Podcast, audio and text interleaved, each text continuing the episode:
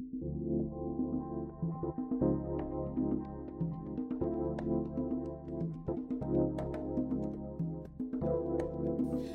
en welkom bij een nieuwe aflevering van Maternity Journey. En vandaag heb ik weer een nieuwe gast bij me. Ja, mijn naam is Daphne. Ik uh, ben 31 jaar en um, nou, volgende week, twee jaar geleden, is uh, onze dochter Megan uh, overleden. Nou ja, net na de zwangerschap, tijdens de zwangerschap. Mm -hmm. En daarvoor zit ik nu hier om mijn verhaal met jou en de rest te delen. En voor haar eigenlijk. Ja. Voor haar vond je het belangrijk om het ja. te delen. Ja. En, en, voor anderen om, nou, misschien hebben ze wat aan de herkenning of uh, nou, de toekomstige moeders die in hetzelfde pakket komen te zitten, dat ze misschien iets hebben aan ons verhaal. Mm -hmm. Ja. Ja, dat is ook zeker belangrijk. Ja. Want hoe, hoe heb je ons eigenlijk gevonden? Ja, ik heb, uh, heb je gevonden via Instagram. En ja, zo eigenlijk in contact gekomen. Hè? De, de oproep of, uh, of er iets gedeeld kon worden, dat sprak me heel erg aan. Dus daarom heb ik je aangeschreven van, nou, graag. Ja, fijn. Ja. En um, ja, wat, wat is er eigenlijk precies gebeurd? Um, bij Megan was, is ons derde kindje.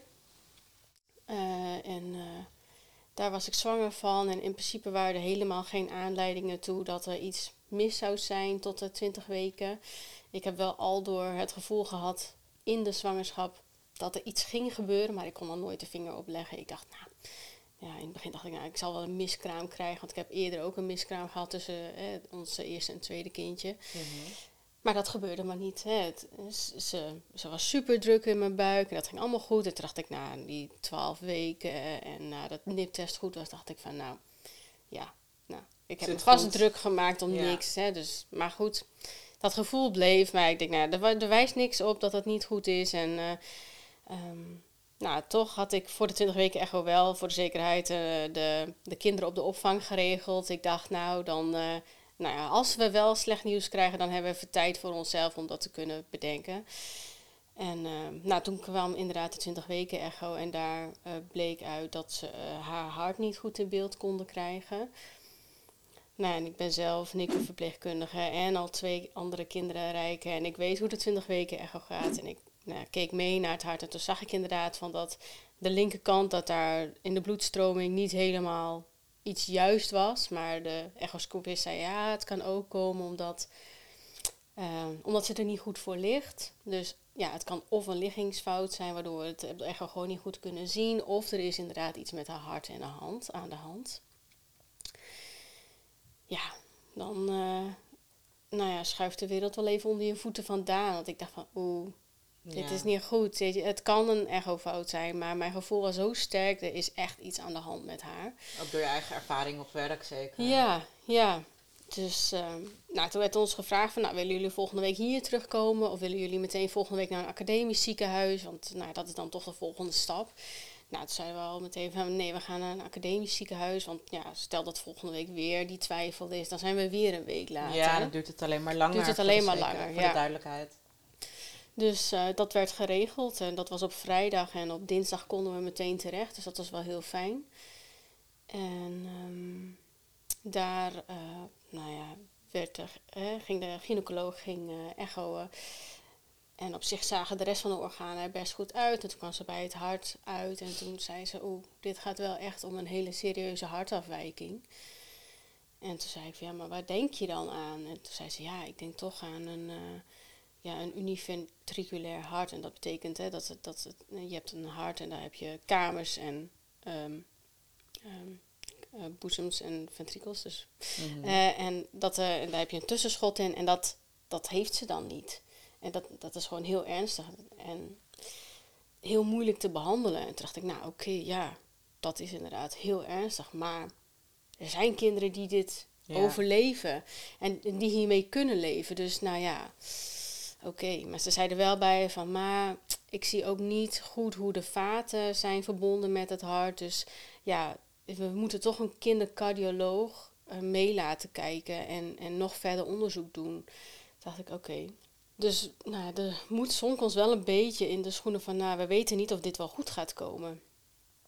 En toen kregen we met dat nieuws werden we weer naar huis gestuurd. En uh, mochten Ook we weer geen zekerheid. Nee, geen zekerheid.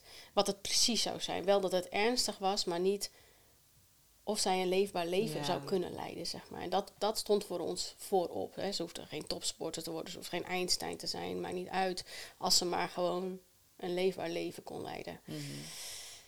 En de volgende dag mochten we dus terugkomen op het eh, kindercardiologisch spreekuur.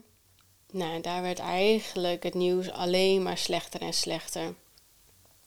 En naast dat eh, hè, die grote hartafwijking eh, had, hè, dus maar één kamerhart had, ehm, ja, wa- was, waren er nog veel meer afwijkingen aan haar hart te zien. Wat eigenlijk maakte dat haar eh, ja, kans van overleven niet heel was. De cardioloog had gezegd van ja, weet je, als jullie de zwangerschap willen voortzetten, staan haar drie grote operaties te wachten. Waarvan na de tweede nog maar moet blijken of we de derde überhaupt zouden kunnen uitvoeren. Jeetje, ja. Ehm, ja, plus als ze het allemaal zou overleven, zou ze daarnaast ook nog chronisch leverfalen ontwikkelen door die eh, v- eh, andere bloedstroom, zeg maar door haar hartafwijking. Eh, wat ook uiteindelijk zou betekenen dat ze maar een maximale levensverwachting zou hebben van maximaal 40, 45 jaar. Mhm. Ja, plus alle. Nou ja, dat ze waarschijnlijk de helft van haar leven gewoon in een ziekenhuis zou liggen. Ze dachten, ja, dit is niet wat wij voor haar willen. Ehm, nou ja, toen is ze nog naar de andere organen gekeken. En daar waren ook kleine afwijkingen in de positie in het lichaam te zien. Wat de cardioloog deed vermoeden aan een eh, onderliggend lijden waardoor dit is ontstaan. Nou, daarvoor hebben we uiteindelijk een vruchtwaterpunctie gehad.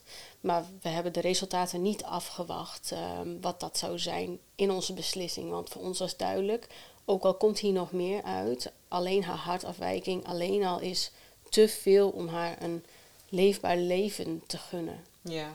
Dus en daar dat, waren jullie alle ehm, twee zeg maar over eens gelijk? Ja, ja, unaniem.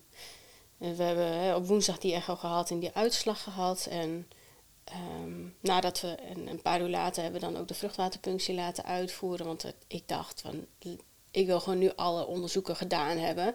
En ik wil Ja. niet, niet onnodig lang Over een week weer. en laten uitstellen, weer, ja. zeg maar. En toen zeiden we na de vruchtwaterpunctie al tegen de gynaecoloog van dit is niet wat wij voor haar wensen.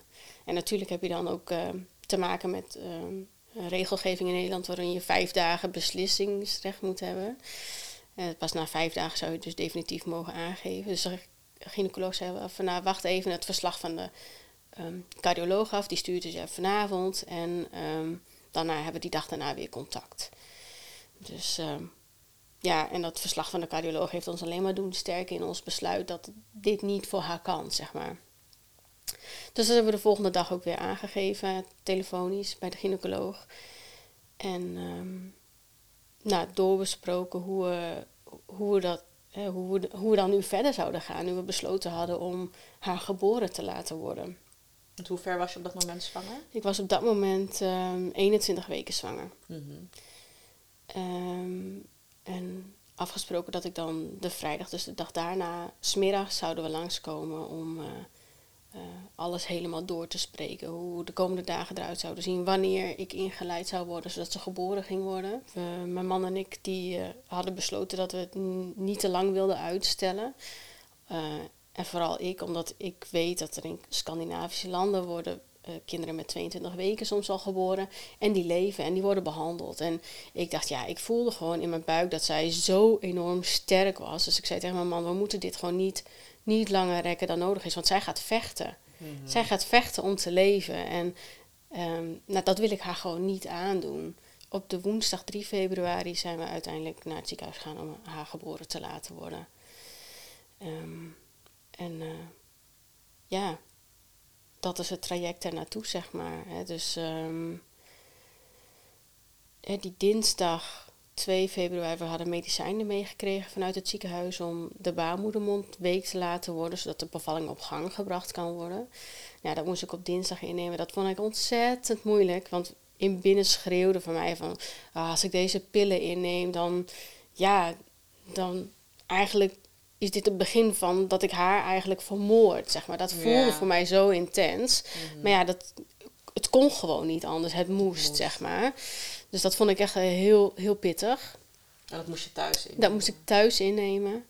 Dus, eh, en dat moest dan ook nou, uh, 36 uur voordat ik daar kwam, of 24 uur, maximaal 24 uur voordat ik daar dan heen zou gaan. Dus ja, op de achtergrond zitten mijn man en de oudste twee kinderen zitten te ontbijten. En ik moet die pillen innemen. Dat vond ik gewoon echt, ja, killing, zeg maar. Maar het, het moest. Dus na twee pillen, toen nou, brak ik gewoon enorm. Ik was, dacht van, ja, jeetje, waar zijn, waar zijn we mee bezig? Maar het moet. En toch die derde pil wel innemen. Want ik zei van ja, als ik nu stop, dat, dat is ook niet eerlijk voor haar. Je moet meerdere thuis uh, innemen? Ja, drie pillen. Oké. De dagen daartussenin hebben we thuis heel veel geregeld. Ik ga een beetje niet helemaal in de chronologische oh, volgorde, merk ik hoor. Maar, ja, dus, uh, dus voordat je de pillen innam, had je allemaal dingen al geregeld? Ja, en ik um, had heel sterk het gevoel dat ik uh, alles zelf, dat we alles zelf moesten doen. En uh, we wilden haar het beste afscheid geven wat, er, wat kon, zeg maar. Want dat was het enige wat we voor haar zouden kunnen doen in haar leven, korte leven. Uh, dus um, ja, we hebben zelf met het crematorium gebeld. Van, goh, hoe gaat alles in zijn werk? Uh, wie moet haar aangeven? Hoe gaat dat? En, en, wanneer? En wat kunnen we afspreken? En dus dat hebben we dan geregeld. En uh, nou, ik heb op internet gekeken naar, naar kleertjes, kon kleertjes aan. Daar had ik geen idee van. Um, nou, dat werd ons afgeraden door de gynaecoloog omdat de huid zo kwetsbaar was, maar wel een mooie wikkeldoek. Het dus daar naar gekeken van ja, wat, uh, wat, wat vinden we mooi, hè? Wat, wat willen we haar aantrekken. En uh, dan ook een afscheidsmandje. En we vonden zelf vonden we een kistje niet echt bij ons en haar passen. Dat nou, was onze associatie toch wat meer bij de wat grotere kinderen. En volwassenen uiteraard. Maar, um, dus daar hebben we naar uh, gekeken en heb ik gebeld met een mevrouw uit Apeldoorn die dat maakt. Dus dat hebben we op zaterdag allemaal opgehaald. En uh, ja, nagedacht over haar, haar afscheid eigenlijk. Van wat, wat, wat willen we eigenlijk? Want ik wilde niet dat het heel statisch zou zijn wil gewoon in een huiselijke sfeer. We zaten natuurlijk ook met de COVID-tijd, dus we konden ook niet zoveel. Oh, Alles was in lockdown. Dus we hadden besloten om het afscheid thuis te doen. dus onze familie en vrienden daar uit te nodigen. En uh, we hebben de bloemist gevraagd om een bloemenbed voor haar te maken. Dus dan lag zij in haar mandje met allemaal mooie bloemen om zich heen. Uh, lag zij daar opgebaard in ons huis. -hmm. Was het ook uh, op koelelementen of in de, bij de, met de watermethode? Um, zij is kort in het ziekenhuis, heeft ze de watermethode gehad. Uh, maar daarna ging ze voor obductie en dan kun je niet meer in de watermethode. Dus is zij, uh, lag ze zeg maar, in haar mandje met koelelementen. Wat, ja. is, wat is obductie? Uh, dat is dat ze de organen van binnen gaan bekijken waarom, nou ja, waarom iemand is, bijvoorbeeld is overleden, maar in dit geval welke afwijkingen ze had en wat er nou eigenlijk is gebeurd. Oké, okay, ja. Um, ja, dus dat was allemaal geregeld. En uh, nou ja, als al die regeldingen voorbij zijn, dan is er eigenlijk pas tijd voor emotie. Van wat, wat gebeurt ons eigenlijk allemaal in deze korte tijdsbestek? En hoe, hoe moet ik dit doen? Hoe moet ik bevallen? Ik, ben, je, ik moest vaginaal bevallen. Ik was nog nooit vaginaal bevallen, want dat kon bij die andere twee kinderen niet. Ik dacht, ja, hoe moet ik dit doen? We hebben een hele goede vriendin die uh, is uh, fotografe. En zij heeft, uh, dat mocht gelukkig wel in het ziekenhuis. Zij mocht uh, de hele bevalling foto's maken. Dus, uh, en ook daarna. En ook de dag van het afscheid heeft ze foto's gemaakt. Dus dat is, was wel echt enorm waardevol. Um, ja, dus dat, dat, is eigenlijk het traject naar voren. En in het ziekenhuis, ja, ja, dat is natuurlijk heel gek. Normaal ga je naar het ziekenhuis met je maxicosi en weet je dat die gevuld nou ja, terugkomt met een, een, gezonde, blakende baby als het goed is. En wij gingen het ziekenhuis in met een, ja, een mandje, met een, nou ja, een tas daaromheen. Dat ik echt dacht van, nou, ik zat daar en ik dacht echt van, ja, nou, hier zit ik dan met mijn mandje waar mijn ja, overleden dochter straks in ligt. Dus niet te doen, zeg maar. Dat je dan gewoon in een wachtruimte zit totdat je opgehaald wordt. En, uh, zie allemaal andere zwangere vrouwen zeker? Ja, de andere zwangere vrouwen. En uh, het duurde dan allemaal wat langer. En uh, nou ja, om een uur of elf konden we daar dan eindelijk heen. En nou ja, dan... Nou, dat mandje is toch wel een beetje zo je houvast van, nou ja, dat is, dat dat koester je, want daar, daar kon ze straks in te liggen. Dus dat moest allemaal perfect neergelegd worden. En de knuffeltjes en de, nou ja, de doekjes. En, nou ja, als je daar dan eenmaal ligt, ja, dan moet er eerst een infusie in gebracht worden. Nou ja, en uh, een COVID-test uiteraard. Want ja, dat was in die tijd, moest dat allemaal gewoon. En uh, nou, als dat dan wel goed was, uh, dan ja, werd er gestart met medicatie. Dat wordt dan vaginaal ingebracht. En ik kreeg maar een halve dosis ten opzichte van een ander, omdat ik keizersneden heb gehad. En dat geeft dan een risico op het scheuren van je litteken. Ja, dat moet ook niet gebeuren natuurlijk. Ja, toen kwamen eigenlijk binnen een half uur kwamen al wel nou, beginnende weeën, buikpijn op gang. Dus had ik, oh, nou dat gaat vlot. En van tevoren ons, is ons verteld dat zo'n bevalling wel tot drie dagen kan duren. Toen dacht ik, oh god. Als dat drie dagen duurt. Ja, dat is lang. Dit was één dag nadat je die pillen had ingenomen, toch? Ja. Oké, en dan de volgende ga je naar het ziekenhuis en dan moet je weer. Ja. Ja, ja, en die pillen waren, uh, die ik thuis innam waren gewoon oraal, hè, dus via de mond. En dit waren dan vaginale pillen om die baarmoeder, nou ja, echt mm open te gaan zetten, zodat het kind geboren kon worden. Um, en die krijg je dan om de vier uur. En um, ja, dan is het gewoon wachten totdat het verder eh, voortzet. En na vier uur had ik één centimeter ontsluiten. dacht ik, nou oké, dat vind ik best wel knap, zeg maar, in die vier uur tijd na een centimeter ontsluiting. In dit stadium van de zwangerschap. Dacht ik, nou, dan heb ik er wel vertrouwen in dat dit vlot gaat. Nou ja, na vier uur, of nee, tot aan de volgende, de volgende, op de volgende zeven uren gebeurde er helemaal niks. Dacht ik ook, oh. En die weeën die kwamen wel meer en meer. Dacht ik, nou, Oké, de gynaecoloog heeft gezegd, je hoeft niet onnodig pijn te lijden. Dus in deze situatie, dus als je ook maar denkt van ik wil een ruggenprik, dan moet je daarom vragen. Dus dat hebben we ook uh, vrij vlot wel uh, gedaan. Een uur of zeven s'avonds. Nou ja, dat was een uh, iets wat moeilijkere procedure dan we dachten van tevoren.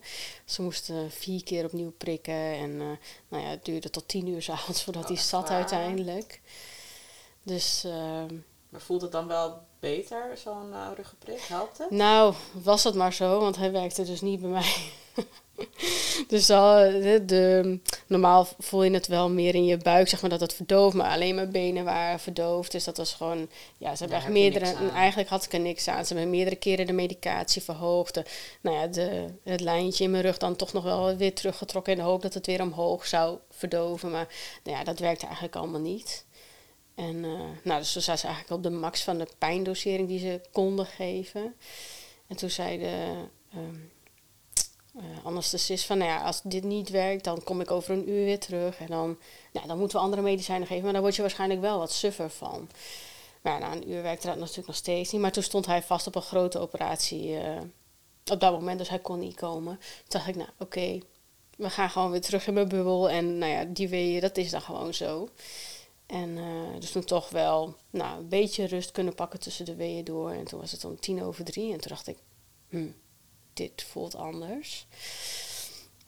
En uh, het voelt alsof of er druk op staat. En de gynaecoloog had van tevoren gezegd van... als je dat voelt, dan kan het zomaar zijn dat je dochter er meteen aankomt. Dus toen dacht ik, oh shit, uh, uh, er is geen verpleegkundige hier. En uh, mijn man lag te slapen, want het is natuurlijk drie uur s'nachts. En we hadden de, onze vriendin even naar het hotel gestuurd en die kon ook wel even slapen. En toen zei ik, uh, Hajo, je moet wakker worden, want ik kan niet bij de bel en ik voel druk. En nou, dat was gewoon ja, een beetje angst eigenlijk ook. Dus die had gebeld. En toen kwam gelukkig heel snel kwam de verpleegkundige en die had ook heel snel de, de gynaecoloog geroept, geroepen. En um, nou, die heeft toen een echo gemaakt om te kijken hoe ze ervoor lag. En uh, eigenlijk kon ik toen meteen gaan persen en twee persweeën later was ze er. En toen huilde ze. Dat is iets wat niemand had verwacht. Niemand had verwacht dat je zo'n kleintje hoorde huilen. Ik heb er twee schreeuwen horen doen en daarna niet meer. Maar ik zei, huilt ze? Ik zeg, geef hier mijn kind. Geef haar hier, want ik wil haar gewoon bij me hebben. Dus ze is ook heel snel bij me gekomen en heeft ze bij ons gelegen. En um, ja, heeft ze eigenlijk uh, eh, 50 minuten geleefd. We hebben haar een paar keer zien bewegen. En uh, ze was al die tijd gewoon heel comfortabel. En dat was gewoon het allerbelangrijkste voor ons. Dat ze ja, niet, niet fronste, niet oncomfortabel was. Want dat is, was het laatste wat we wilden. En eh, na 50 minuten was ze overleden. En eh, ja, achteraf vond ik het wel heel waardevol dat we haar toch levend hebben gezien en gehoord. En ja, dat is een, een, ja, een, een geluid wat nooit meer uit mijn hoofd zal gaan, zeg maar. Um, Ook een mooie, echt kostbare herinneringen. Ja. Ja, en in de tussentijd uh, was onze vriendin al wel weer gearriveerd. En die heeft ook allemaal mooie foto's gemaakt, zeg maar. En ook uh, de verpleegkundige heeft een filmpje gemaakt. En ja, dat was, dat was echt zo waardevol. Dat was toen ze net geboren was en dus nog leefde. En daarop zien we echt een heel kleine beweging van haar vingertje. En dat we, nou ja, nou, dat, dat we tegen haar praten en dat het goed is. En dat ze, ja, dat het, dat het mag. Dat ze mhm. mag gaan, zeg maar. Dus uh, nou, dat filmpje vind ik gewoon heel, voor onszelf heel waardevol. Kijk je daar nog vaak naar? Ja, ik kijk daar heel geregeld uh, nog wel eens naar. Ja. Ja. Vind je het dan moeilijk om dat terug te zien of juist fijn? Uh, eerder vond ik het moeilijk, nu vind ik het fijn. Want, nou ja, je, je ziet haar en gewoon de setting. En ja, het brengt je gewoon dichter bij haar weer even, gevoelsmatig. En uh, nou ja, nadat ze is overleden, hebben we er eerst heel uitgebreid bekeken. Hoe, hoe zie je er eigenlijk uit? Want ja, als ze op je borst ligt, ja, dan ja, zie je er alleen van boven. Maar ja, ze, ze leek, hoe klein ze ook was met 22, want ze was precies, precies met 22 weken geboren, wel ook wel heel erg op de andere kinderen, de oudere kinderen. Dat was wel heel bijzonder om te zien. Echt exact hetzelfde oortje als de broer. En uh, nou, hetzelfde knikje in de neus als, als wat haar vader heeft. En dezelfde vingers als de broer. En uh, ja, dus dat is gewoon heel bijzonder om te zien dat zo'n klein kindje al zo perfect volmaakt is, zeg maar. Mm. Ja. En uh, aan de buitenkant zag je gewoon niks. Het is alleen aan de binnenkant was ze gewoon dood en doodziek. Ja. Nou ja, dat, dat, dat ze dus zo best wel goed het deed na de bevalling, dacht ik wel meteen van, oeh, wat hebben we gedaan? Heeft ze, hebben we het wel echt goed gezien op de echo's? Was ze wel zo ziek als dat we dachten? Toen dacht ik, oh god, wat, wat hebben we gedaan? En um, daarom was ik wel heel blij dat we die obductie, hè, dus het onderzoek van haar lichaam, gedaan hebben. Want na die tijd bleek dat ze inderdaad zo ziek was als dat we gedacht hadden. Dus toen kwam er wel een soort van berusting van. Een bevestiging van. Okay, ja, we, hebben het goede gedaan. Ja. Ze had dit gewoon niet kunnen overleven. Het zijn net na de bevalling als ze uitgedragen was, of, of, of het eerste maand, het eerste levensjaar. Maar ja, ze zou komen, ze te, zou overlijden. komen te overlijden. dus uh, ja, dus dat was goed. En uh, toen hebben we haar in de, in de watermethode in een bak met, met koud water gelegd. En daarin zag je dat haar kleur werd gewoon heel mooi. Ja, als kinderen overlijden, ja, en bij Megan ook, die, ja, die zijn heel donker van kleur, donkerblauw, paars bijna. En dat je denkt van, oh, dat is een minder prettig beeld. Ja. En door die watermethode werd ze nou, heel mooi bleek roze van kleur eigenlijk. Dus eigenlijk een beetje een, ja, veel mooier om te zien.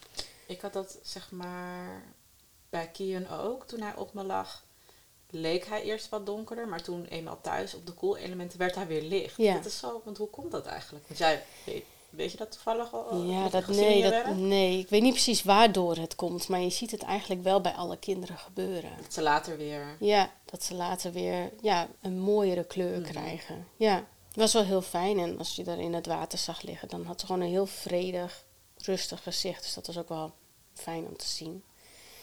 En rond een uur of um, zeven ochtends kwamen onze oudste kinderen, twee, met mijn ouders, kwamen langs om uh, haar te zien. En uh, toen hebben we haar uit het water gehaald van tevoren. Want dit, dat vond ik een beetje spannend. Vooral met onze oudste. Die was toen de tijd drieënhalf. Dat ik dacht, ja, zij ligt daar in het water. En wat voor associatie zal hij daar mee hebben? Zou die dat denken van, oh, dan kan ik ook hmm. onder water blijven zonder dat dat uitmaakt of zo. Dus dacht ik, nee, ik wil haar wel uit het water hebben voordat zij komen. Hadden jullie toen zelf tegen de andere kinderen verteld wat er was gebeurd? Ja, ja. dat was al voordat we... Um, naar het ziekenhuis gingen. Nou, op zondag hebben we verteld aan de kinderen dat uh, hun zusje in de buik uh, niet bij ons kon blijven. En dat ze, we zijn altijd heel uh, open en eerlijk geweest dat ze dood zou gaan. En ook letterlijk die woorden benoemd. Want ja, het is ons ook ja, afgeraden om in metaforen te praten. Ja, er wordt heel vaak uh, gesproken over een, een, kindje wat een vlinder wordt of een sterretje wordt. En ja, voor ons is dat te begrijpen, maar voor een ander kind niet, zeg maar, mhm. voor een jong kind. Dus, um, maar goed, hij begreep dat op dat moment was dat een boodschap en hij zei, well, als ze, hè, wij zeiden dat ze niet kon leven en dat ze dood zou gaan, dat ze wel heel even bij ons was en dat ze dan voor altijd weg zou zijn. Oh, nou, dan, uh, ik ga even vijf minuten slapen, zegt hij, toen we dat nieuws brachten.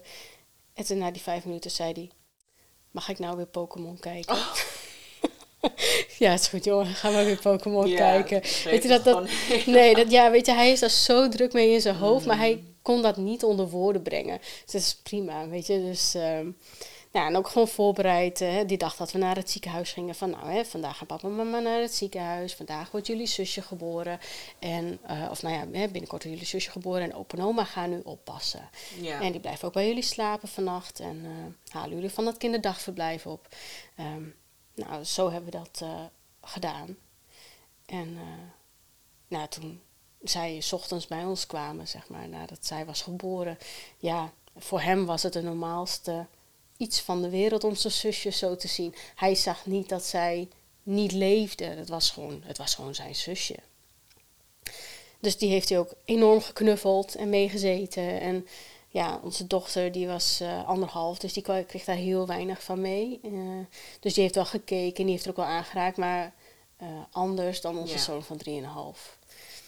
En die zijn daarna weer, ja, die zijn eigenlijk maar kort geweest, eigenlijk een half uurtje. En dan merk je gewoon, een, die spanningsboog van die kinderen is dan weg. En dan gaan ze overal aan zitten. En nou ja, mijn ouders die hebben dan ook wel gewoon even bij de gekeken. En nou, even geknuffeld met mij en mijn man. En uh, die zijn toen daarna gewoon weer naar huis gegaan. En de kinderen zijn naar het kinderdagverblijf gegaan. Want ze zeiden, we moeten toch wel even gewoon de normale dingen. kinderdagverblijf was overal van op de hoogte. En dan, uh, ja, want voor ons stond er nog een heel programma. Ja, want zij... Doen, regelen. Ja, en zij werd nog onderzocht. Hè, dus uh, ja, aan het begin van de ochtend hebben we eerst hand- en voetafdrukjes gemaakt. nou ja, ik had heel graag een plukje haar willen hebben, maar ja, dat had ze nog niet echt. Dus dat kon niet. Um, en uh, toen om een uur of negen, toen uh, nou, gingen ze eerst röntgenfoto's maken van haar lichaam. En daarna ging ze dus voor dat uh, grote onderzoek dat haar lichaam werd onderzocht. Nou, we hebben ervoor gekozen om niet in haar hoofd te laten kijken, want daar zat geen probleem. En ik zei van, ik wil gewoon dat ze er mooi uit blijft zien. Ja, misschien ook een onprettig gevoel, dat je weet dat daar ja. Ja, en ik, nou ik zei wel van, hij had daar het probleem tussen haakjes gelegen. Ja, dan wil je dat onderzocht hebben. Maar dat was bij haar niet het geval. Dus ik zei van, nee, daar blijf je vanaf. En um, nou ja, dat onderzoek heeft, nou ja, van half twaalf en ging ze weg. En om half vijf kwam ze weer terug. Dus uh, hebben ze alles onderzocht. En um, nou, omdat haar hartafwijking zo bijzonder en nou ja, bijna nooit voorkwam, hebben ze ons nog gevraagd of ze haar hart en longen mochten houden om te onderzoeken. Dat vond ik wel een hele moeilijke vraag. Toen dacht ik, jeetje. Ik zei, zien we dat aan de buitenkant als ze terugkomt? Ik, ja, dan, mist toch een hele hoop uit haar lichaam. Ze zei ze, nee, je ziet niks aan de buitenkant. Toen dacht ik, oké. Ik zei, maar wat gebeurt er dan met haar hart en longen? Ik zei, dat is toch deel van haar lichaam. Ik bedoel, dat wil ik niet dat dat zomaar ergens... Afgesneden, nou, ja. Of dat het gewoon in een, een medisch afval komt mm of zo. Dat mhm. vind, ik, dat vind ik gewoon onterend, zeg maar. Ze zei ze, nee, je hebt drie keuzes. Ze zei, uh, of uh, het gaat inderdaad bij het afval, of je neemt het mee naar huis, of je mag het bij de collectieve crematie doen. Dus in het ziekenhuis dan de kindjes die daar blijven en overlijden, en ouders kiezen ervoor om ze daar te laten, die worden dan met z'n allen gecremeerd, zeg maar. En dat zou dan, zouden haar hart en longen dan ook. Dus zei ik van, nou ja, als we daarmee meer te weten komen wat ze had en nou ja, of dat ook gevolg heeft voor de toekomst van ons of voor onze andere kinderen. Ik zei dan vind ik het oké dat dat wordt, dat zeiden we natuurlijk samen, dat dat uh, wordt gedaan, maar dan inderdaad wel dat het gecremeerd wordt. Want haar lichaam wordt gecremeerd, dus dan vind ik dat dat ja. ook gecremeerd moet worden, dat dat gewoon samen is, gevoelsmatig. En uh, dus dat hebben we gedaan. En toen ze terugkwam, ja, leek het net alsof ze een heel mooi schortje aan had. Want uh, ja, dat is natuurlijk gesneden in haar lichaam. En uh, ze had mooie pleisters, dus het leek net alsof ze gewoon een mini-mini jurkje aan had van pleisters. dus dat zag er niet eng uit of wat dan ook. Dus als je ja, het niet wist, dan wist je niet dat, dat ze daar wonden onder had, zeg maar. Ja. En uh, ja, dus toen heb ik er weer even fijn bij me gehad en vastgehouden. En nou ja, weer er uh, wikkeldoekje omgedaan en in de mandje gedaan. En toen was het tijd voor ons om naar huis te gaan. En uh, nou ja, dat weet ik zelf ook vaak. Um, als ik aan het werk was en een overlijden begeleiden, vaak worden ze dan toch de mensen begeleid via de niet-reguliere routes. Hè, dus niet via de hoofdgang, maar gewoon een beetje, nou ja, dat je niet zoveel in de, in de picture staat, zeg maar. En ik dacht, nee, dat wil ik niet. Ik zei, ik wil gewoon via de hoofdingang dat mijn man mij duwt in mijn rolstoel en dat ik mijn dochter op mijn schoot heb, zoals ik dat bij die andere kinderen ook heb gedaan. Mhm. Nou, nu was het zes uur s'avonds, dus het was niet giga druk in het ziekenhuis. Maar ik zei van ja, die anderen hebben, zijn ook gewoon zo het ziekenhuis uitgegaan. Nou, dat wil ik met haar ook. Ik wil dat gewoon. Dus dat hebben we ook gedaan. En toen we eenmaal thuis waren, ja, daar wachten onze, uh, nou ja, uh, haar, mijn mans ouders en mijn ouders waren daar en de kinderen. Uh, nou, daar hebben we gewoon rustig nou, haar even in haar mandje op tafel gezet en naar haar gekeken. En nou ja, toen was het rond een uur of zeven. Dus was het ook tijd voor de andere kinderen om naar bed te gaan. Dus die hebben dan even haar een kus gegeven. En toen zijn we, hebben hun naar bed gebracht. En daarna hebben we gewoon het bloemenbed klaargezet, zodat ze op haar plekje kon. En uh, het liefst had ik haar s'avonds gewoon mee naar boven genomen. En dat ze bij ons stond, lag.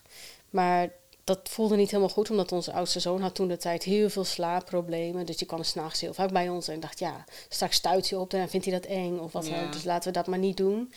Dus toen hebben we dat, um, hebben haar gewoon beneden in haar, um, nou, in haar bloemenbed gelaten. En toen zei ik tegen mijn man van, ja, we moeten eigenlijk, we hadden geen uitvaartverzorger, daar hebben we bewust voor gekozen, want we dachten wij kunnen dit allemaal zelf. en um, hadden we overlegd dat we met koelelement konden we haar lichaam koud houden. En toen zei ik van ja, een gezond kind word je ook om de drie uur wakker voor om te voeden. Ik zei, dan moeten wij ook gewoon om de drie uur wakker worden en die koelelementen voor haar gaan vervangen. Mhm. Ja, dat is het laatste wat we voor haar kunnen doen, dus dat moeten we dan gewoon doen. Dus elke drie uur de wekker gezet en dan gingen we samen naar beneden. Dan hield ik er vast en mijn man die verwisselde de koelelementen en dan lagen we neer en dan gingen we weer naar boven. Dat hebben jullie gewoon zelf gekocht en in... Uh, ja, ja. Nou ja, dat waren, waren eigenlijk gewoon hele simpele coolpacks uit wat van Kruidvat of wat dan ook. Gewoon mm. zo simpel was het. En daarmee was haar lichaam gewoon cool genoeg. En uh, ja, die dag daarna was onze zoon volledig in paniek. Want zijn zusje lag niet meer op de tafel, maar die lag een meter verderop in de bloemenbed. Maar dat had hij niet gezien. Dus hij was helemaal in paniek van, en waar is Megan nou? En, waar is ze nou? En ik kan haar niet zien. Ik zei van, kom. Dus ik heb hem bij de hand gepakt en ik zei, we gaan, ik ga je laten zien waar ze is. Dus nou, een kinderstoeltje bij, uh, nou ja, bij haar bloemenbed gezet. Ik zei, als je hierop gaat staan, dan zie je dat ze daar ligt. Nou, toen was hij ook compleet weer rustig.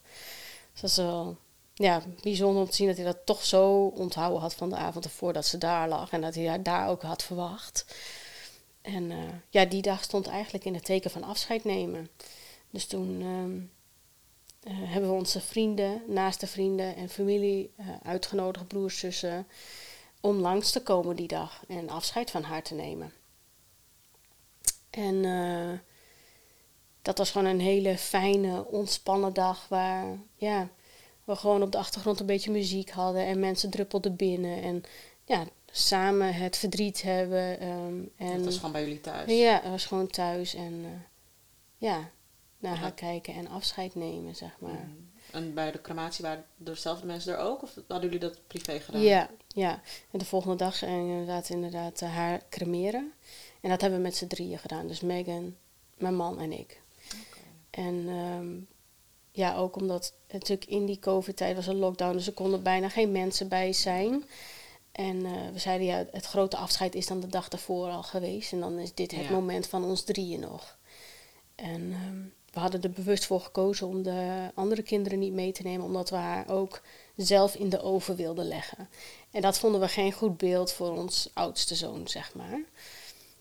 Um, ja, dus dat hebben we samen gedaan. En ja, dat is gewoon een hele bizarre autorit als je daar met je kind op schoot daar naartoe rijdt. Je zegt geen woord tegen elkaar, want wat, wat, wat moet je zeggen? Ja. Komt goed, ja. Of, ja, uh, ja. ja, je kan niks zeggen. Je kan niks zeggen. Ik bedoel, het is verschrikkelijk. Ja, ja dat weet je zelf ook. ja. ja. ja. Je wilt gewoon, lijkt alsof je gewoon je woorden kwijt bent. Wat moet ja, je zeggen? wat moet je zeggen? Ja, er valt gewoon, niks te zeggen. ja, er gaat ook niks door. Ja, je zit er maar en denkt van, hoe kan dit? En wat gebeurt er? Ja, het allermoeilijkste wat je... Nee, wat, wat er bestaat in mijn beleving, moet je dan doen. En dat is je kind weggeven, mm. eigenlijk. En dat... Ehm, en nooit meer kunnen zien, nooit meer kunnen aanraken. En dat vond ik verschrikkelijk dat gevoel, dat, ja, ik, ik, zei, ik zei altijd van, ik heb haar liever de rest van mijn leven dood, nog bij me, dan dat ik haar nooit meer mm. zie, nooit meer kan voelen. Uh, maar ja, dat kan natuurlijk niet, maar dat zit gewoon in je hoofd. Ehm, ja, dus dat hebben we samen gedaan. Ja, je gaat gewoon via een ingang naar binnen met z'n tweeën. En daar staan ook twee vrouwen. En ja, we hadden maar een hele korte ceremonie. Maar ik zei, we stonden daar. Ik zei van, we mogen nog even een moment samen. Dus toch maar weer haar mandje even openen. En ik oh, we hebben nogal duizend kusjes gegeven op dat moment. Ik zei, oh, we houden zoveel van je. Maar ja, dat uh, kon gewoon niet anders. En uh, toen zei mijn man van, uh, mag ik haar wel daar neerleggen waar ze, hè, bij de oven. Want hij zei van, dat is het enige nog wat ik voor haar kan doen. Hij zei, dat zei hij nadien, nadien hij zei van, want ik, ik, ik, kan haar nooit naar het altaar brengen. Ik kan nooit meer wat voor haar doen. Dus dit is het enige wat ik voor haar kon doen. Dus hij heeft haar daar ja, op die plaat eigenlijk uh, gelegd. En nou ja, dan zo'n vuurvaste steen erbij gelegd. Want dat is dan haar identificatie voor mhm. nadien. En um, ja, ze hadden ons wel gewaarschuwd van... Nou ja, als die oven open gaat, ja, dan voel je wel wat warmte komen. En nou, dat is natuurlijk een beetje een gek idee. En nou ja, het beeld dat zij in die oven geschoven wordt, ja, vond ik wel heel heftig. Maar ik was wel achteraf heel, vond ik het wel heel fijn dat ik het heb gezien. Want ze is gewoon vanuit ons is ze daarheen gegaan. Er zijn geen andere mensen aan ja, geweest. En, jullie hebben er echt letterlijk weggegaan. Ja. Dus uh, ja. Ja, en dan sta je met lege handen. En dan, ja, je gaat dan eruit en dat was het. Mm Bizar, ja. Ja, ze hebben eerst, het was echt super slecht weer. Het is echt hartstikke koud en keiharde wind. Dus ja, anders zou je zeggen, we gaan gewoon even ergens uitwaaien. Maar dat was gewoon geen doen. Zo wees maar anderhalf uur gewoon roekeloos gereden. Af en toe iets gezegd. Dat zei, nou ja, we moeten nou maar weer naar huis. We moeten maar weer naar de andere kinderen. Want ja, wat moeten we anders? Ja, dus dat, uh, ja, dat is gewoon een heel bizar idee dat je met lege handen zit. Ik ik weet niet of jij dat ook zo hebt ervaren op dat moment. Maar, ja, ik vond dat ook wel. Ik dacht echt van ja, en nu? Ja, en nu? Moet ik nu naar huis? En ja, het was voor mij, ik was een maand met Kian en het was echt van oké, daarvoor was ik zwanger. Dus ja, wat moet ik nu doen met mijn leven? Zo voelde ja. het een beetje. Van, Ik dacht van oh, ja, ja. Wat, wat is er al? Wat moet ik doen? Moet ik wat moet ik, hoe moet ik mijn dagen invullen? Um, wat gaat er nu gebeuren? Want je hebt eerst gewoon zeg maar, oké, ik heb eerst de crematie, ik heb eerst dit. Dan is alles geweest. Dus ja. ja, wat ga je nu doen? Ik weet het niet. Weet je? Zo is het eigenlijk ook een beetje bij mij gegaan. Ja, de dagen vliegen voorbij. Ja. Zonder dat je echt iets hebt gedaan. Klopt, ja. ja. Jullie hebben natuurlijk dan nog andere kinderen, maar ik had echt geen reden om op te staan. Dus ik was gewoon constant in bed. Ja. ja, dat kan ik me heel goed voorstellen dat is ook wat ik zei. Van als, als die andere twee daar niet waren geweest, dan uh, had ik ook echt gewoon, denk ik, letterlijk de hele dag in mijn bed gelegen. Want ja, wat, voor je gevoel, wat, voor zin heeft het, hè? Mm -hmm. Ja. Ja, je voelt je ook zo nutteloos, weet je. Dat is van, nou ja, niet nutteloos, misschien niet het juiste woord, maar van, ja, ja en nu, ja, ja, Dat is, uh, ja, een gevoel, denk ik, wat je niet echt onder woorden kan brengen. Maar mm -hmm. ja. Ja, dus dat, um, dat was um, hoe het afscheid zeg maar, is geweest. En um, nou, in de tussentijd liepen er natuurlijk nog allemaal onderzoeken. En uh, ook van die vruchtwaterpunctie en uh, twee na een week nadat we haar gecremeerd hadden, kwam daar de uitslag van. We werden gebeld door de klinisch geneticus. En toen zeiden ze van ja, we denken dat we een oorzaak gevonden hebben. Nou, dan stond ons hart wel even stil.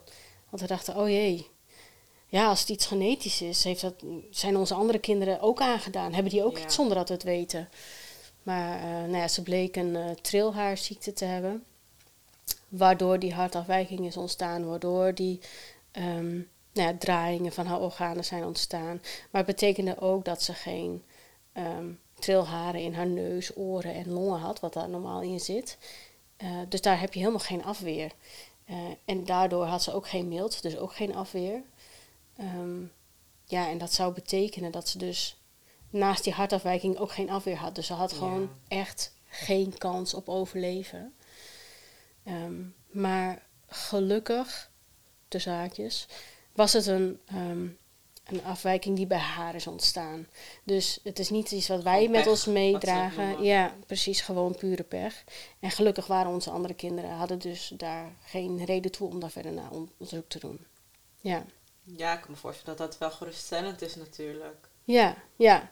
Ja, je denkt van, oh jee, hè, uh, wat, uh, ja, wat, voor, wat, wat heeft dit voor consequenties? Hè? Hebben onze andere kinderen toevallig ook zo, zo'n afwijking waar we dan uh, voor de rest van hun leven last van gaan hebben? Maar gelukkig niet. Dus ja, wat dat betreft was dat gewoon pech. Ja. Hoe, en hoe lang ging je weer werken? Ik, um, kijk, zij is 4 februari geboren. En eind maart ben ik voor het eerst wezen koffie drinken op mijn werk. En ik heb al door mijn werk heel erg op de hoogte te gehouden van wat er gaande was. Want ik vond dat zelf fijn om heel open te zijn over wat er nou aan de hand was. En twee weken daarna, dus ergens in april, ben ik twee keer twee uurtjes gekomen. En de werkgever was echt super coulant. Alles moest op mijn tijd. En nou ja, kon ik iets niet, dan was dat geen probleem. En nu was het gewoon puur twee uurtjes kijken wat was er, uh, nou ja, hoe voel ik mij en, en, en, gewoon de sfeer weer proeven, zeg maar. Maar was dat niet moeilijk tussen andere baby's? Ja, ik vond dat heel moeilijk. Ja. En um, ja, dan waren die twee uren waren ook echt meer dan zat. Ja. Dus echt dan, nou, dan kwam je weer thuis vol in tranen en dan zag je die kleine kindjes. En nou, dan was ik in mijn beleving nou ook ongeveer zo ver zwanger geweest. En dan, hoi, dacht ik van, ja, voor hun leven. Ja, en dan dacht ik, oh ja, jij zou, ja, Megan zou er nu ongeveer ook zo uitzien. Of als er een kindje met een hartafwijking lag, dacht ik van, oh jee, ja, ja, dat had zij ook, ja. Mhm. En, um, nou ja, en wat ik nog het, het allerheftigste ook vond, was het verdriet te zien bij andere ouders. Ja, er was een keer een situatie waarin een kindje ineens acuut heel slecht ging. En waarbij die ouders werden gehaald. En door op dat moment die reactie van die ouders te zien, dat triggerde mij heel erg. Mhm. Dus ik was zelf ook helemaal van het padje af. Terwijl het kind kwam het goed mee. Maar gewoon de reactie van de ouders, die, die, pure angst. Dat ik echt van, oh, ik weet precies hoe jij je moet voelen. Um, ja, dat bracht mij helemaal van de kaart. En daarna had ik nog een gesprek met maatschappelijk werk in het ziekenhuis. En nou, die zei al van, oh, meestal huilen de moeders niet voordat ze met me gesproken hebben, zeg maar. Dus zei ik nee, dit was even voorgevallen. Maar uiteindelijk, nou, nou zeiden we van, nou, oké, misschien moet je dan niet meer twee keer twee uur op zaal, maar twee, eh, één keer twee uur op zaal en dan twee uur voor onderzoek, zeg maar, bezig gaan. Dat je niet in contact bent met de patiënten. En op die manier is dat heel rustig aan is het werken weer beter gegaan. En kon ik ook weer dingetjes doen. En uh, ook met de patiënten. En um, ja, toen was ik eigenlijk in oktober, dus dat is ja, acht maanden nadien, weer volledig in functie. Maar dan heb ik nog, had ik nog niet uh, de allerziekste patiënt weer gedaan. Dus geen uh, kinderen die kritiek aan de beademing lagen of kinderen die gingen overlijden, dat soort dingen nog niet. Maar toen kwam ook mijn andere baan op de pad. Hè, wel op de, op de neonatologie, op de IC. Maar in een andere functie. Dus niet meer met mijn handen aan bed. Ja. Ja, en dat is achteraf denk ik heel erg goed geweest, mentaal vooral. Want ik kan nu pas zeggen, als, ehm, als ik nu weer aan bed zou moeten staan, dan zou ik er ook staan. Mm met, volledig met mijn hoofd, zeg maar. Ja, niet dus dat je steeds bij jezelf... Uh... Nee. Dus dat is gewoon een heel groot verschil. En nu vind ik mijn baan als leidinggevende regie, zeg maar, superleuk. Dus ik heb nu niet het verlangen om weer terug aan bed te staan. Maar ik denk, als ik het nu zou moeten, dan zou ik het ook weer kunnen. Mm dus loop je ook nog langs soms de patiënten? Jazeker, ja, ja dagelijks. Ja. En ik krijg ook alles mee, want ik bespreek met de verpleegkundige van hoe, hoe de dag zal gaan, hoe de patiënten zijn. Dus dat spreek, bespreken we met z'n allen. Dus ik krijg alles wel mee, maar ik sta er niet meer direct naast. Oké. Ja, ja. hetzelfde geldt met de, de, de, nou, als de kinderen wel slecht gaan, als er hè, multidisciplinaire overleggen moeten zijn, daar zit ik dan ook bij. Weet je. Dus je bent wel bij betrokken, maar een klein beetje op afstand. beetje op afstand. Ja. Kost veel tijd, maar ja. Ik dacht wel van toen dit gebeurde. Mijn werk gaat me niet ook nog eens afgenomen worden. Mhm. Ik dacht, ik moet terug kunnen komen. Want ja, daar ligt gewoon mijn passie op de ICNEO. En ik wil dat niet ook nog eens kwijtraken. Dus, uh, en dat is gelukkig ook niet gebeurd. Ja. En daarna heb je nog een kindje gekregen, toch? Ja, klopt. Uh, ongeveer vijf maanden nadat Megan is overleden, ben ik opnieuw zwanger geraakt. Ik had uh, um, heel sterk het gevoel nadat zij was overleden van... Nee, dit, kan niet het einde zijn. Hè. Megan, um, ja, we hadden uh, tegen elkaar gezegd van... Nou, drie kinderen zou heel mooi zijn. Um, maar toen dacht ik, nee, dit, uh, het voelt niet goed. Het voelt niet compleet. Het zal nooit meer compleet zijn. Zonder haar, zeg maar.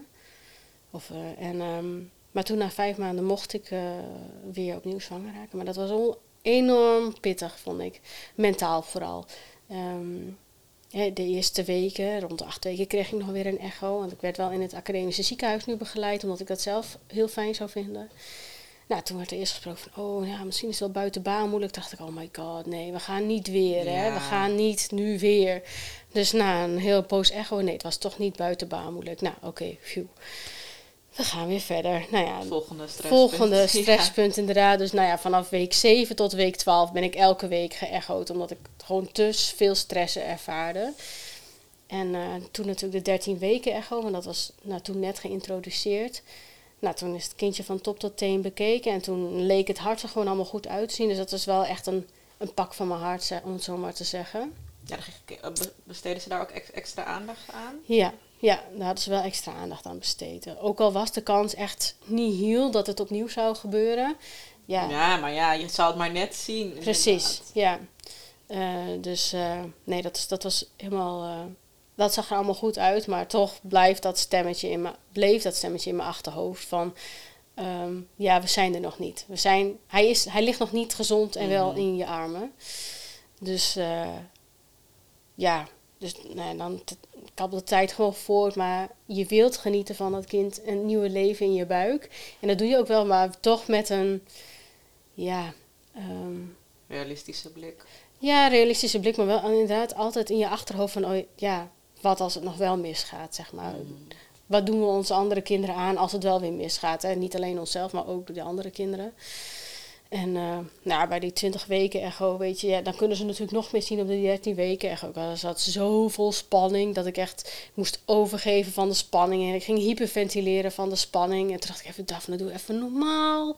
Doe niet zo debiel, dacht ik bij mezelf. Maar ja, er zit zo'n spanning in je lichaam. ja, klopt, ja. Maar goed, dat ervaarde ik op dat moment zo. En gelukkig bleek in die 20 weken echo dat alles uh, goed was.